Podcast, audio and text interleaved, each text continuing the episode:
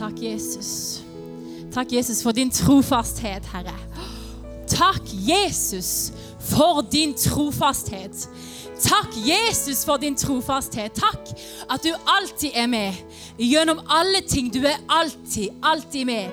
Takk for at ingenting, ingenting kan røre ved de løftene som du har gitt dere i ditt ord. Ingenting.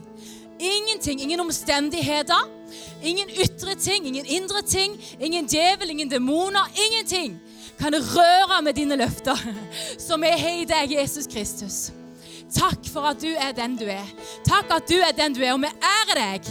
Vi løfter opp ditt hellige navn. Vi løfter blikket til deg, og vi stråler av glede.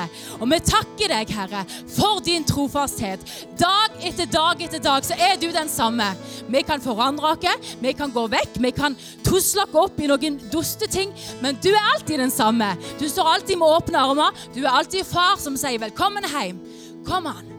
Takk, Jesus. Takk for at du er den du sier at du er. Takk for at du kan gjøre det du sier at du kan gjøre. Og på den klippen, på det grunnlaget, så står vi her og ærer deg. Vi står her og løfter opp ditt navn. Og vi står her, Herre, ikledd din kraft og beundrer deg. Vi beundrer deg, Jesus. Ta et øyeblikk akkurat nå og lukk øynene dine. Og tenk på den Jesus som ga sitt liv for deg. Tenk på den Jesus som bar din synd, som bar dine sykdommer, som bar din trøbbel. Tenk på det. Tenk på den Jesus, og beundre han. Beundre han for at han er den. Han sier at han er. Han er trofast i ditt liv og i mitt liv. Alltid, alltid, alltid. Alltid, alltid, alltid den samme. Vi ærer deg, Jesus. Hellige Ånd, takk for at du herliggjør Jesus. Takk at du setter en spotlight på Jesus for oss, så vi ser han. Så vi ser hvem han er, så vi ser hva han gjør. Så vi lærer han å kjenne bredde, dybde, høyde og lengde av Jesus. You are the center of attention. Du er den som det dreier seg om alt sammen. Jesus, vi beundrer deg. Vi tilber deg. Vi ærer deg for ditt navns skyld. Jesus. Takk, Jesus. Sangen er, mer, sangen er mer enn en sang, skjønner dere. Det kommer fra hjertet. Jubileumskoret de, de synger bongas, de synger det de har. De er så sterke, og de er så gode. Men sangen er mer enn en sang. Det er fra hjertet. Det er fra hjertet. Det sier noe om hva vi, vi tror på. Det sier noe om hva vi står for, hva vi har passion for. Det er Jesus vi priser. Det er han vi tilber. Det er han vi er her for. Amen. Amen. Takk, Jesus. Takk, Jesus. Mm. Takk, Jesus. Herlig å uh, å være her. Herlig å um, oh, Jeg er ikke den som blir rørt. Jeg griner aldri. Det er Jonny som tar seg av det i vår familie. Men jeg blir mitt bitte lite grann rørt allikevel. Jeg. Herlig. Og når Silvia ikke sant, finner fram fotballsjargongen, da strekker du deg langt, Silvia. Jeg bare, jeg bare nevner det. Herlig å um, å bli godt mottatt. Jon Arve sa at dere måtte ta, taket godt imot, men der, der, er vi allerede, vil jeg si. Jeg syns dere er så herlige, så hjertelige, så fantastiske, alle sammen. Og vi er så glad for å være her. Jeg er så glad for å være en del av denne menigheten. Og um, ja, jeg tenker at i dag, Vi har jo temaet Den hellige ånd, egentlig. Men i dag så må vi rett og slett bare litt sånn, Ikke for å være klein nå, bare ta dette med klypa skjønner du? Men at det er litt som en sånn presidentinnsettelse. at Man har en sånn inauguration speech. Man har liksom en tale som det her tenker vi å få gjort de neste 100 dagene. nesten. Og det er ikke det, det, er ikke det jeg skal gjøre. Så Derfor sier jeg ikke, ikke tenk at jeg er klein nå. Men jeg, jeg vil bare, vi vil bare si noe om den kirka som vi brenner for. Så, så vi legger vekk Helligånd som tema, selv om Helligånd er undertonen i alt vi gjør. Så bare skal vi si noe om den kirka eh, som vi brenner for. Og Jonny og meg skal preke sammen. Og nå er det jo sånn at eh, Jeg har vært i babybobla hvor lenge som helst. Jeg har nesten ikke prekt. Så jeg har dødsmye på agendaen, så jeg må bare øve meg på for det første å snakke seint, sånn som Pete av og til minner meg på. Og så eh, for det andre fatte meg i korthet. Men jeg har noe på hjertet. Jeg har det. Og det var deilig å være her. Bare, bare for å si det en gang til. Fantastisk. Jeg eh, tenker at den kirka som vi brenner for, den eh, rommer mye. Kan si mye om det. Jonny begynte på det på, eh, på den hva heter det? Samlingsfesten. ja. Begynte på det på samlingsfesten. Men, men jeg skal bare si noe om perspektiv. Jeg tenker sånn nå, nå, må jeg bare si unnskyld før jeg sier det. Men får vi opp noen slides, eller? Ja? Bra. Jeg tenker på at hadde, altså, Når jubileumskoret synger, så, så, er det ikke sånn. Men av og til er det sånn. For mennesket Miriam, som ikke er sånn super, super religiøs, som ikke er sånn kjempe, kjempetålmodig skal, Og vi har allerede fått jobben, derfor bare er jeg ærlig med en gang og sier det. At eh, noen ganger så kjeder jeg meg litt på møtet. Ikke sant? Jeg kjeder meg litt på Jeg er menneske Miriam, skjønner du? Ikke noe jubileumskoret synger, for det, det er bånn gass. Men, men, skjønner du, av og til så kjeder jeg meg litt på møtet. Og og jeg tenker sånn jeg er ikke skapt liksom, sånn at jeg finner det positive i alle ting. og synes at alt, liksom, Hver minste lille ting som folk sier, bare, å, det var så nydelig og så flott. Noen av dere er så gode med det og er bare så rause og romslige og tenker dette var et godt møte. Men jeg, jeg kan finne på å kjede meg til og med i menigheter jeg selv er planta. Til og med på møter jeg selv preker på. La, la meg bare være ærlig og si det. Der er jeg av og til. Men jeg kan ikke få lov å komme vekk ifra den tanken at Guds menighet er Guds idé. Forstår du? Jeg har aldri fått lov av Den hellige ånd til å si jeg gidder ikke å være en del av fellesskapet. Jeg har aldri fått lov av Den hellige ånd til å sette meg hjemme og, se, og si at jeg, bare, jeg surfer bare på noen podcaster. Jeg stikker av og til innom en konferanse. Nei, menighet er Guds idé. Og jeg har aldri fått lov til å være en sånn en solokristen. For jeg er sånn som koser, jeg koser meg med den store, kloke boka. Hvis jeg kan få sitte et par timer hjemme alene uten forstyrrelser, sant, Johnny? så bare koser jeg meg med den store, kloke boka aller best hjemme og tenker må jeg gå på møte. Jeg skal bare være ærlig jeg, Nå er jeg pastor, altså. Men, men, og jeg har planta mange menigheter. og vært en del, men Jeg må bare få si det som det er. Men jeg kommer ikke forbi at menighet, sånn som den skal være, Sånn som menighet skal være. Det er Guds idé. Det er Guds familie. Det er Guds byggverk, dette her. Og det her er den arenaen som Gud faktisk har sagt jeg skal fylle dette rommet med mitt nærvær. Det er dette byggverket her han har sagt at jeg skal fylle hele dette med min oppstandelseskraft. Jeg kommer ikke unna at det er Guds idé. Jeg kommer rett og slett ikke forbi at jeg ikke kan velge og vrake sånn som jeg vil. Men jeg trenger å få et nytt perspektiv på hva møtet er for noe. For møtet er når de hellige kommer sammen. Møtet er når vi møtes her og sier 'Kom, Hellige Ånd. Kom og rør om oss. Kom og si og kom og vis og kom og gjør'. Da blir plutselig møtet allikevel bitte litt interessant. Til og med for meg. Til og med for mennesket Miriam Nesse Pettersen, som av og til kjeder seg bitte litt på møtet. Da tenker jeg sånn OK, vi er faktisk med på noe stort. Derfor trenger vi av og til en perspektivendring. Forstår du? Vi trenger å se ting fra en annen ståsted for å forstå vi er faktisk med på noe stort. Vi er med på noe som er gigantisk. Det her er Gud. Og jeg ber for min del, og jeg ber for oss alle sin del, at vi skal ha en mer en sult. At vi ikke skal være så konforme at vi bare sitter og gnikker og tenker ah, terningkast tre på den prekenen der var ikke så mye. Jeg ber om at vi skal ha en sult. Meg sjøl mest av alt. En sult etter mer. Etter mer av Den hellige ånd. En sult etter mer aha. Nå gikk lyset på.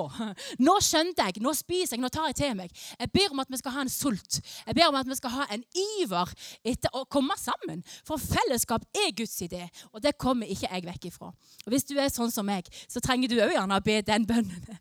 Helligånd, jeg ber om mer sult. Helligånd, jeg ber om mer iver. Og det er ei kirke som jeg brenner for. Hvis vi kommer sammen med den innstillingen.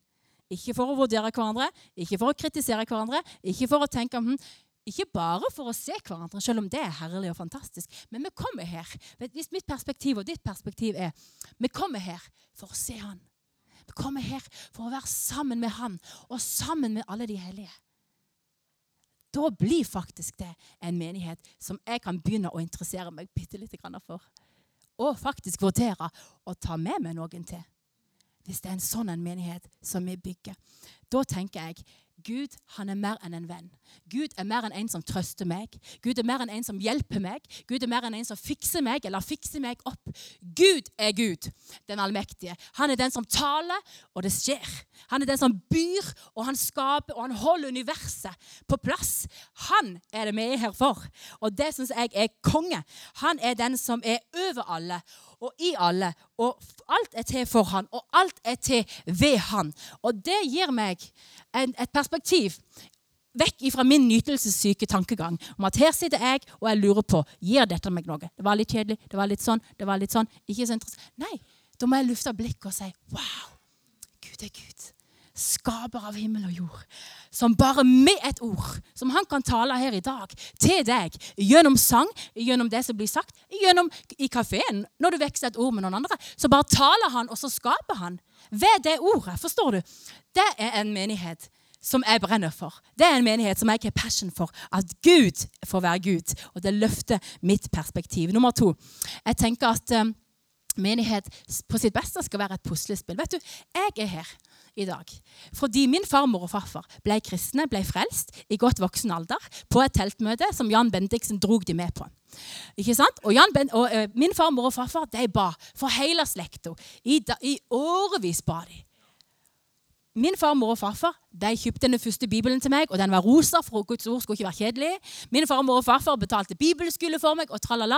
Jeg er her pga. at de gjorde en ting. Jeg er her fordi Heidi Odden, som jeg gikk i klassen med, hun maste og maste og maste og maste og maste og maste om at jeg skulle bli med på Betania, og jeg var jo for kul for den slags, så det sa jeg jo nei til i hvor mange ganger som helst, og jeg, var bare altfor tøff for den slags. Men til slutt så ble jeg vel med, da. Bare for hun maser sånn. Jeg er her pga. det. Jeg er her fordi Ingvild Mydland hun drog meg inn på kjøkkenet på den gamle Betania, sette meg opp på den staurgamle komfyren og sa 'Er du fulgt av Den? Jeg kunne jo ikke annet enn å bli med. Forstår du? Jeg er her pga. det. Jeg er her fordi det var en som heter Einar Fossli, som var her og prekte sterkt og salig om min vielse, Og tok meg til side og sa 'Jeg ser noe i deg'. Jeg ser at du har noe. Jeg ser at det er noen ting der. Jeg er her pga. han. Jeg er her fordi Gud brukte han. Forstår du? Jeg er her fordi Liv Landmark alltid oppmuntra, alltid heia på meg når jeg sto på denne talerstolen og sa kjempemye uteologisk Det var ikke teologisk korrekt i det hele tatt. Det var ikke alltid like mye fullt av Hellig ånd og ild, men jeg var bare entusiastisk. Liv Landmark hun kom alltid til meg etterpå og andre og sa 'Dette var bra', altså. Ja, så tørte hun tårene litt med et lommetørkle. Og så kjente jeg OK, men da tør jeg en gang til. Det er bra. Det er bra. Det er bra. Jeg er her og takker deg for det. Jeg er her fordi, fordi jeg har venner som har sett agenda, og som har bare dratt Jesus inn i livet når jeg har tenkt på andre ting. Det går jo ikke an å snakke med Silvia ikke sant, om overfladiske ting i mer enn et par minutter før hun bare ryker på. forstår du? Jeg er her pga. det. Jeg er her for jeg har hatt sånne venner som har bare satt fokus, og som har bare dratt meg inn. Og vi er sånn. Summen av alt dette gjør at jeg er her i dag og faktisk får lov å bli, å bli kalt som pastor i denne menigheten. Forstår du? Vi er puslespillbrikker. Og vi aner ikke rekkevidden av hvem vi er. Vi aner ikke rekkevidden av hva det betyr, det som vi gjør, og det som vi har, og det som vi bringer til fellesskapet. Vi aner ikke. Men la oss være sånne puslespillbrikker hvor Gud får lov å ha regien. Hvor Gud får lov å pusle det bildet. Og sammen er vi noe organisk. Sammen er vi noe levende. Sammen er vi noe vakkert som vokser. Og være bevisste på de relasjonene vi har. Være bevisste på de, de folkene vi omgås, det fellesskapet som vi har. Hvis vi kan være et sånt fellesskap for hverandre, ja, da er det en menighet som jeg brenner for. Da kjeder vi ikke så mye lenger. Hvis det er sånn vi driver med når vi kommer sammen. Mitt tredje punkt personlig ansvar. Vet du at Den eh, autoriteten og den, eh, og den, mandatet som vi har fått her som pastorer, det er jo ikke først av alt Nå snakker jeg for fort, Pete. Det er ikke først av alt fordi Uff a meg sjøl. Det er en uvane.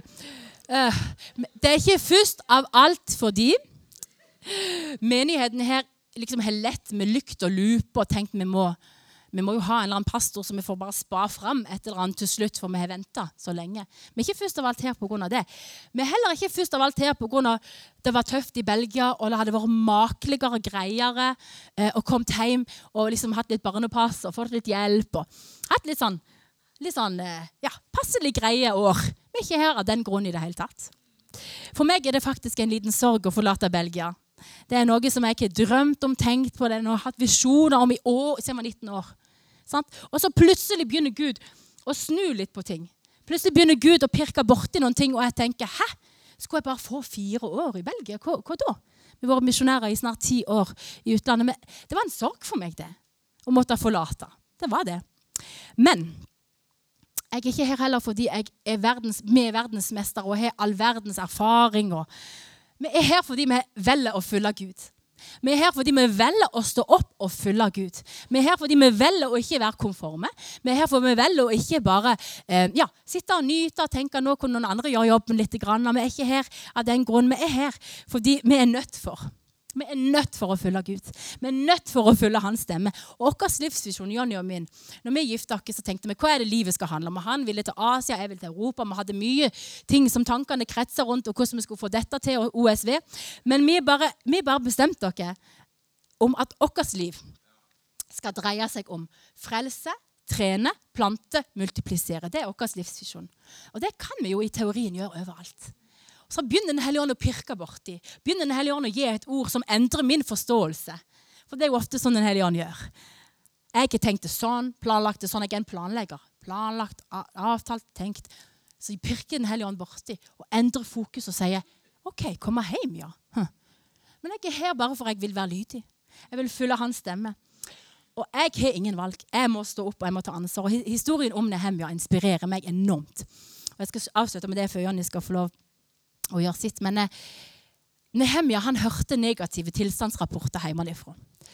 Og han, Jerusalem lå i, tusen knas, skulle jeg til å si, og jødene som bodde der, eh, den lille delen som var, eh, hadde det kjempevanskelig. Og Nehemja han en høy posisjon hos kongen, den persiske kongen. Og han kunne sittet der og tenkt ja vel, så what, det er ikke mitt problem. Han kunne sittet der og kost seg og bare sant, vokst i, i, i, på en måte, framgang og hatt det knallbra. ikke sant? Men så, hva gjør han? Han bare kjenner det, det bare, det bare greip han. Og i månedsvis så ber han og roper og sørger i sitt hjerte. Og så står han opp og så tenker han, jeg må handle. Jeg må gjøre noe. Jeg må ta ansvar. Så det gjør han. Så går han til kongen med fare for sitt eget liv. Og så sier han, du, eh, konge, jeg, jeg, er nødt for å, gå, for reise tilbake til Jerusalem. Kan det la seg gjøre? Og ikke bare får han lov til det, han får velvilje hos kongen. Så kongen sender med han en haug med tilstandsrapporter eh, som gjør at han bare kan komme seg lettere dit han skal. Til og med en haug med, med, med, materiale som han trenger for å gjøre den jobben han skal. Altså for mer enn han spør om, fordi han er lydig, og fordi han velger å ta ansvar. Og så gjør han det. Nehemja. Han, han eh, legger en plan og han mobiliserer folket, og så bare ryker han på. Det som er interessant med den historien i Nehemia, er at det faktisk er ikke et eneste mirakel som skjer av sånn overnaturlig art som vi tenker sånn De ble helbredet for en helt syk sykdom, eller, eller de ble eh, reist opp ifra de døde, og det begynte å regne etter tre års tørke. Det er ingen sånne dramatiske effekter i hermetegn i Nehemias bok. Det Mirakelet i Nehemias bok er faktisk nettopp det det hverdagslige. At det er folk som står opp og gjør jobben, og Gud er med. Det er mirakelet i Nehemias bok. Og Nehemia han sier himmelens Gud vil la det lykkes for oss. Han holdes i hånd over oss. Det var hans enkle tro. Og så bare ryker de på. Det kule er Guds folk gir seg til visjonen i enhet. De reiser seg i enhet. De står opp i enhet. De tar ansvar i enhet, hver på sitt område. Hver med den gaven som de har, hver med det som de, er best til å gjøre, men i enhet. Og så møter de noen utfordringer. Og Nehemja han hjelper folket til å holde fokus ikke sant? med å si Gud er med. Ikke se på omstendighetene. Ikke tenk på det. Gud er med. Er, se på han, liksom. Og så er det hverdagslivet. Som er selve mirakelet i Nehemjas bok. For på 52 dager så klarte de å bygge opp igjen det som hadde ligget brakk i mangfoldige år. På 52 dager! Fordi folket sto sammen. Sånn ei kirke vil jeg være en del av. der vi sammen står opp, der vi sammen tar ansvar, der vi sammen reiser oss og sier OK, dette, dette, kan jeg bringe til torgs. Dette kan jeg gi. Dette kan jeg bidra med. Sammen så står vi opp og så reiser vi oss, sånn som Nehemia gjorde. Og jeg tenker at Det ligger et mandat i Guds folk. Det ligger en autoritet i det at vi tar det ansvaret. Lev ut det livet. Det er kirka som jeg brenner for. Det er kirka som jeg vil være en del av. Og jeg tenker det er Guds jobb å fylle dette huset med sin herlighet. Det er hans jobb å fylle dette huset. Det er hans jobb å, å på en måte la hans rike komme her. Sånn som det er i himmelen, med alt det det innebærer her. Det er Guds jobb. Og så er det vår jobb å stå opp og ta ansvar. Og Betania har en visjon som skal være en drivkraft for det arbeidet som vi gjør, nemlig å gjøre Jesus kjent og gjøre alle folk til etterfølgere. Og jeg tenker, ok, hvis det, det vi, hvis det, ligger til grunn for det arbeidet som vi sammen skal gjøre, og har begynt å gjøre allerede, ja, så må jeg være en av Jesus da.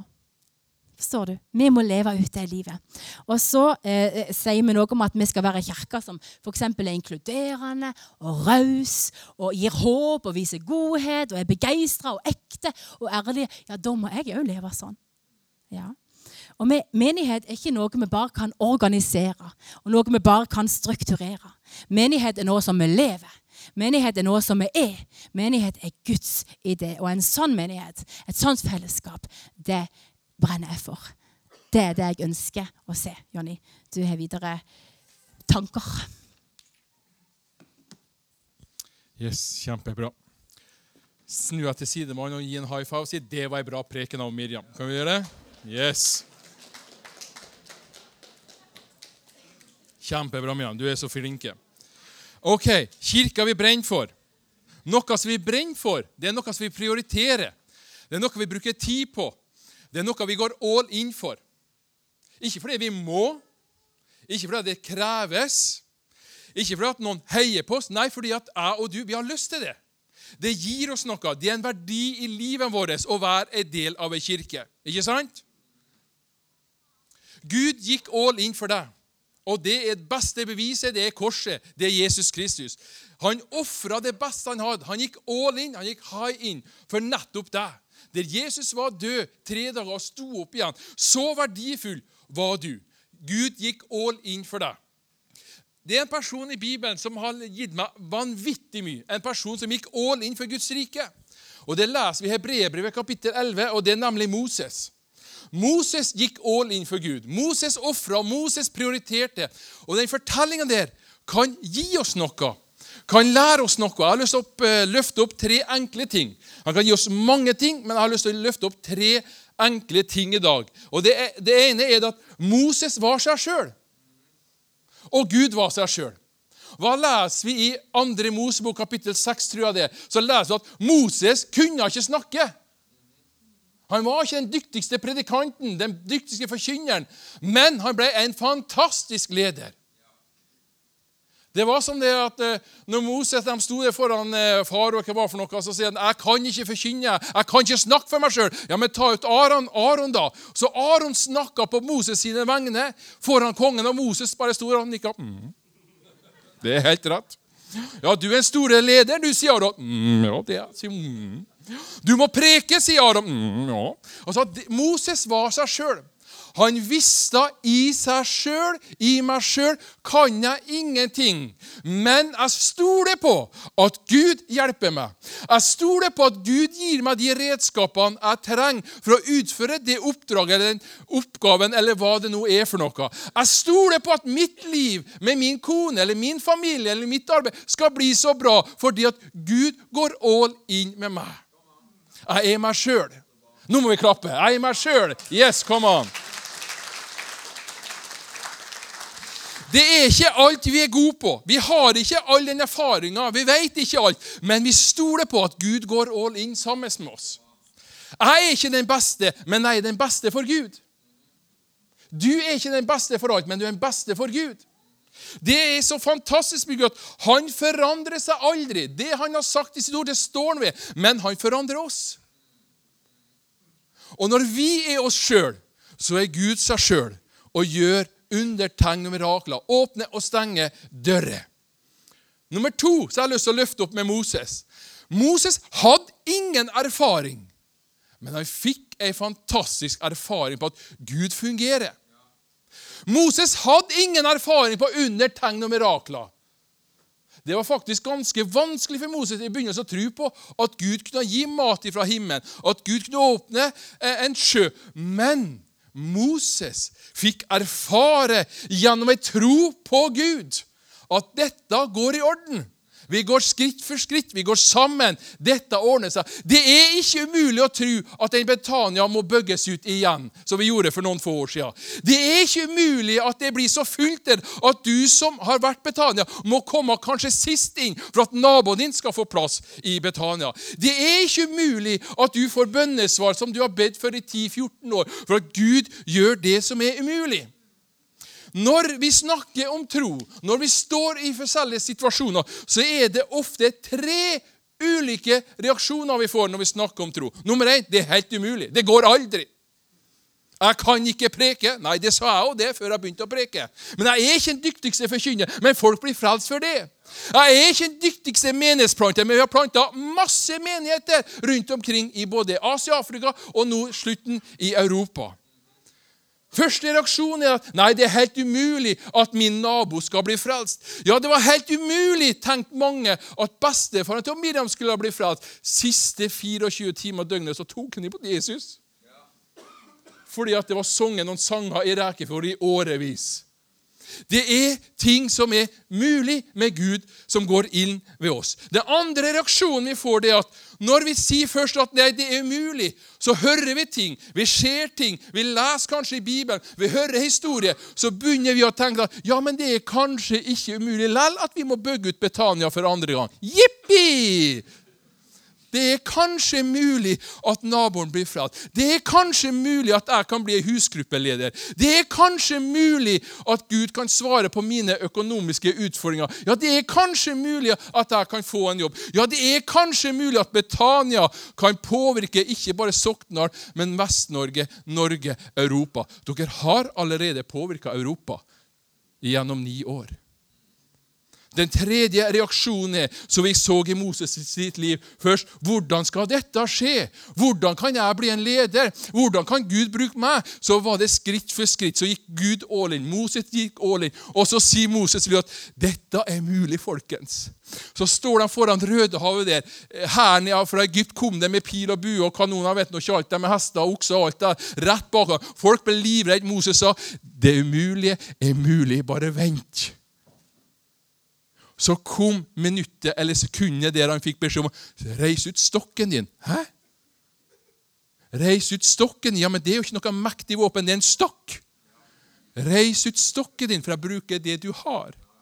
Og Moses reiste ut stokken sin, og det umulige ble mulig. De gikk igjennom. Ikke bare igjennom, de var tørrskodd de kom på andre sida.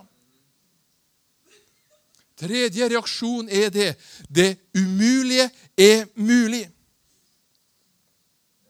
Den tredje tingen jeg har lyst til å løfte opp med Moses, og den siste tingen jeg har lyst til å løfte opp, det er det det koster å være del av noe. Vi leser om Moses' i historie. Gudesønn. Han kunne ha satt seg tilbake. Han kunne ha sole magen sin, han kunne ha slappe av. Han hadde tjenere, men han valgte å betale prisen det kosta å følge Gud og følge Jesus. Han kunne ha satt seg i sin fine bil, han kunne ha satt seg i sitt store hus, han kunne ha slappet av, han kunne ha et komfortabelt liv, men han valgte å si 'Jeg vil gå all in'. Jeg vil ta mitt personlige ansvar. Jeg vil gjøre mitt for at dette skal bli bra.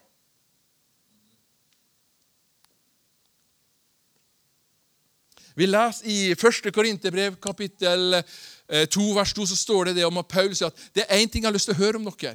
Det er Jesus Kristus. Alt det andre er ikke så veldig viktig, for det er dødelig. Men Jesus Kristus er evig, det evige livet. Det er det viktigere. Så Paulus sa at 'jeg vil ikke høre om alt det andre'. Det koster å være en del av noe. I Johannes 3, 16 så leser vi om en Gud, en far, som betalte den høyeste prisen han kunne betale for nettopp at du og jeg vi skal bli forent med Gud. Det var den største prisen han betalte. Moses betalte en pris. Noen ganger koster det noe. Noen ganger må vi si ja, eller noen ganger må vi si nei. Noen ganger så er det slik at ja, det er kanskje ikke det vi håpa på. Vi så for oss noe annet, men dette blir det beste. Og Jeg skal være helt ærlig med dere. Jeg hadde ikke drømt om å bli pastor på Haua. Jeg hadde drømt om å bli en apostel i Asia først. Så ble jeg gift. Så forandra seg til å bli en apostel i Europa. Og så fikk vi en telefon om å bli passopar her. om vi kunne ha tenkt oss Det Da var det en veldig lang prosess, dette, så jeg tar ikke alt dette. Men det var kanskje ikke det jeg så for meg. Vi så for oss å plante masse menigheter i Belgia. Og vi har betalt den prisen der, og nå måtte vi betale den prisen. Noe som vi har preka høyt, noe som vi har sendt videofilmer opp, noe som vi har snakka veldig mye om. Nei, nå ble det ikke det likevel. Vi flytter hjem til Norges kristne bygd, og vi skal bli pastorpar. Så det handler om å løfte perspektivet. Så det handler om å se på det umulige som mulig. Ja, men tenk å bli misjonærer, pastorpar, apostler ut av denne bygda. Hvor fantastisk blir ikke det? Det handler litt om hva vi ser på. Og Da måtte vi også pakke kofferten igjen og betale den prisen. Om å si at vet noe, Nå forlater vi det som vi har snakka om og drømt om kanskje i 18 år, kanskje 15 år, kanskje 20 år, og komme hjem. Og så skal vi leve ut en visjon som var på veggen her, som, vi, som Betanias misjon er. Vi vil gjøre Jesus kjent for alle mennesker og gjøre dem til hans etterfølger. Hvilken gigantisk visjon er ikke det? Vi leser om alle mennesker. Vi leser om hele verden. Vi var veldig fokusert på Belgia, men nå kommer Gud og åpner visjonen og sprenger visjonen enda mer. Nå handler det ikke om Belgia, nå handler det om hele verden. Nå handler det om at alle mennesker skal bli kjent med Jesus Kristus. Og ikke bare på et møte og rekke opp hånden og si ja, jeg vil følge Jesus, jeg vil bli frelst. Nei, men også bli etterfølgere. Bli forvandla av ordet. Bli forvandla av det budskapet som forkynnes her. Bli forvandla av Jesus Kristus. Og slik at din område igjen, din verden, blir forandra av Jesus. Hvilken fantastisk visjon er ikke det? Og Da leser jeg igjen Lukas 18, 27, og da tenker jeg at ja, jeg har tro på denne visjonen. Ja, det skal ikke være umulig å se mennesker komme til tro i Betania. Det skal ikke være umulig å se Hauge Dalane, 4380 Hauge Dalane Sokndal, bli forvandla av Guds kraft. Fordi det står i Lukas evangelium kapittel 18 vers 27 det som er umulig for mennesker, er mulig for Gud. Derfor så kan vi si det at vi har tro på at denne salen her skal bli fylt kanskje én og to og tre ganger på en søndag. Nå kan du klappe!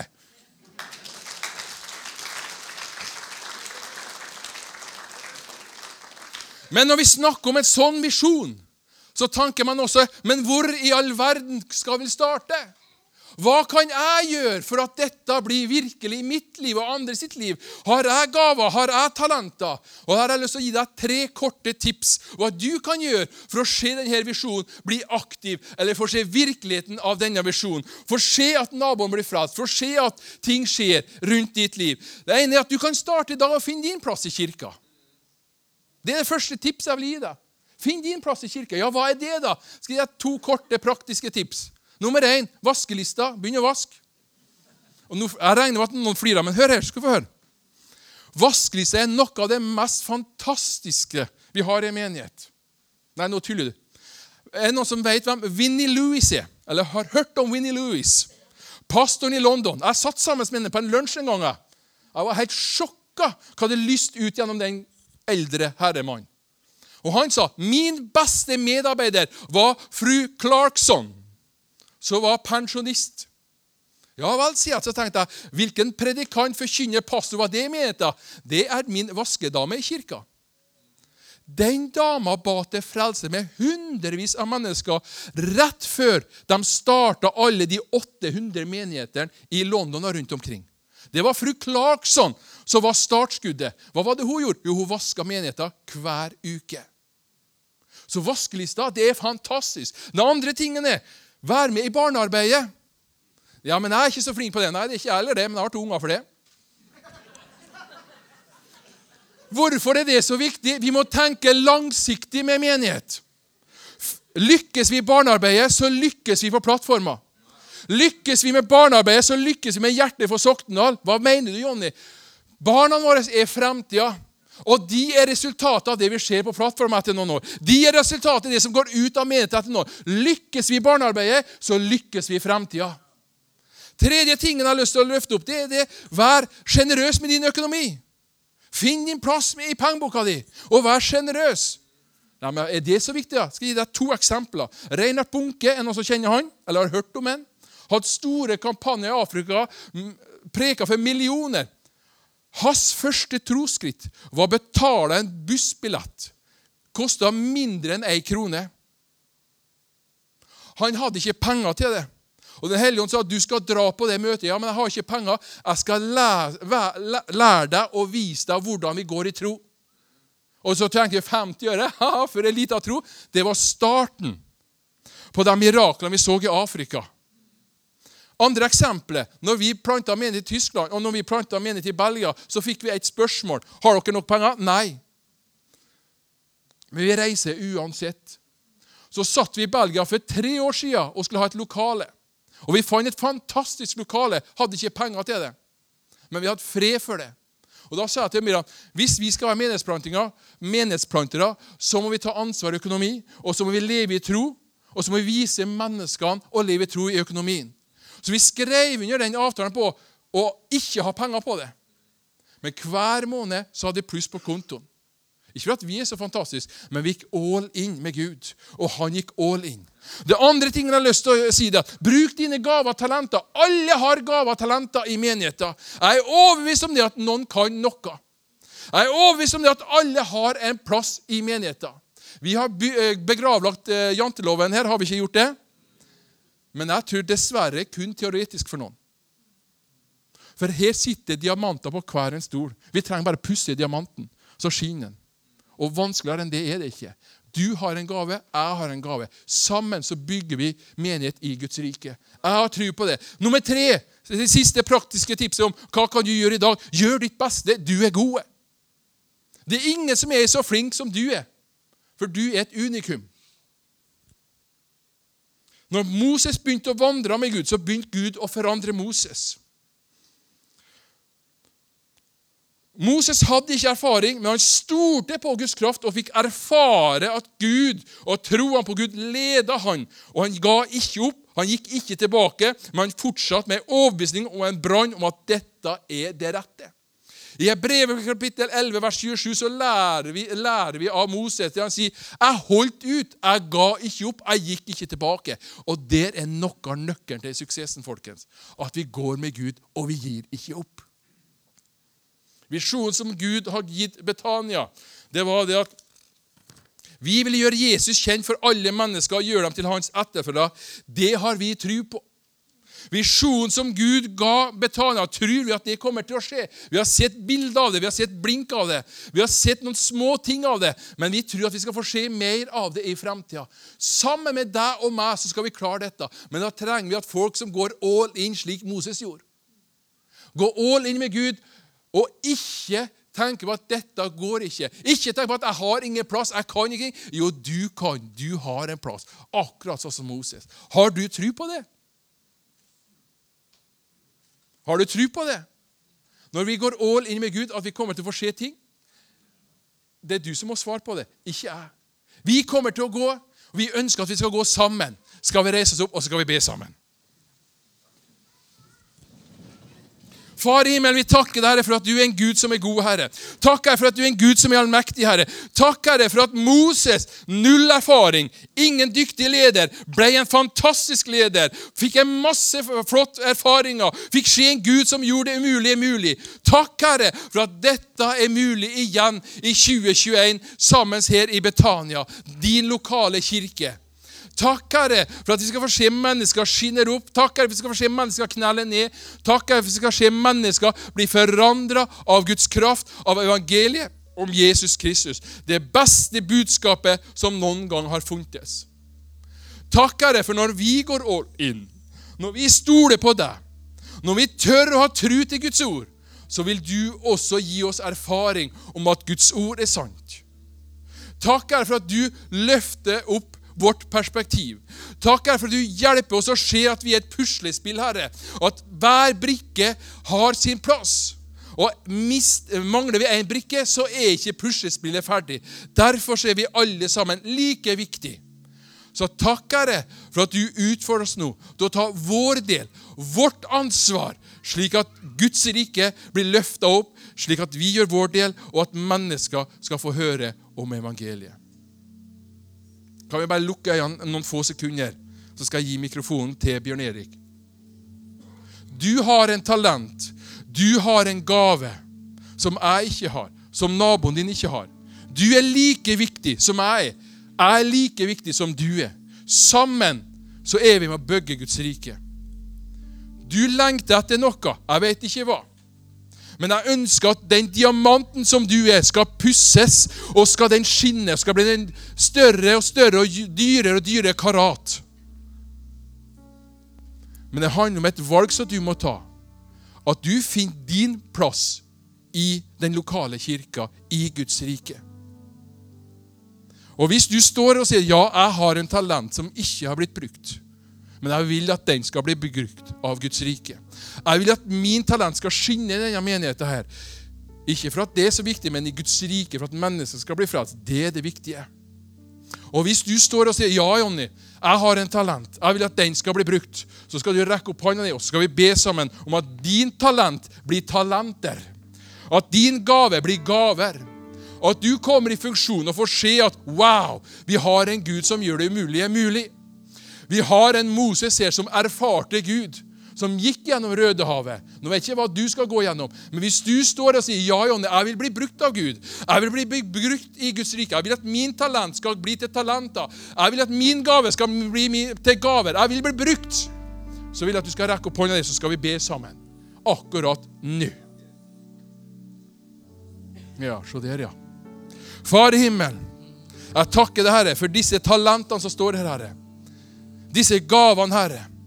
Og Nå ber jeg om du, Hellige Ånd, skal utfordre oss til at vi skal finne vår plass i kirka her, til å være med og dra lasset, slik at mennesker skal bli forandra, slik at bygder og byer skal bli forandra. Takk, Herre, for disse menneskene skal finne sin plass. I Jesu Kristi navn.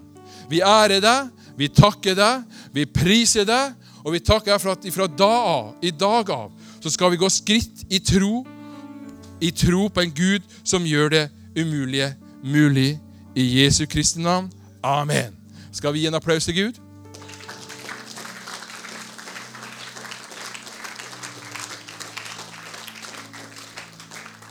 Før Bjørn Erik kommer opp her, så sier jeg takk for at dere kom. Og så har jeg en konkret utfordring til alle mannfolk over 18 år. Onsdag 1. desember så er det julebord. Er du interessert, så kobler du til meg, Steinar Berntsen så er alle mannfolk over 18 år interessert. Og Så skal du få all informasjon senere av Steinar Berntsen eller meg. Bjørn Erik.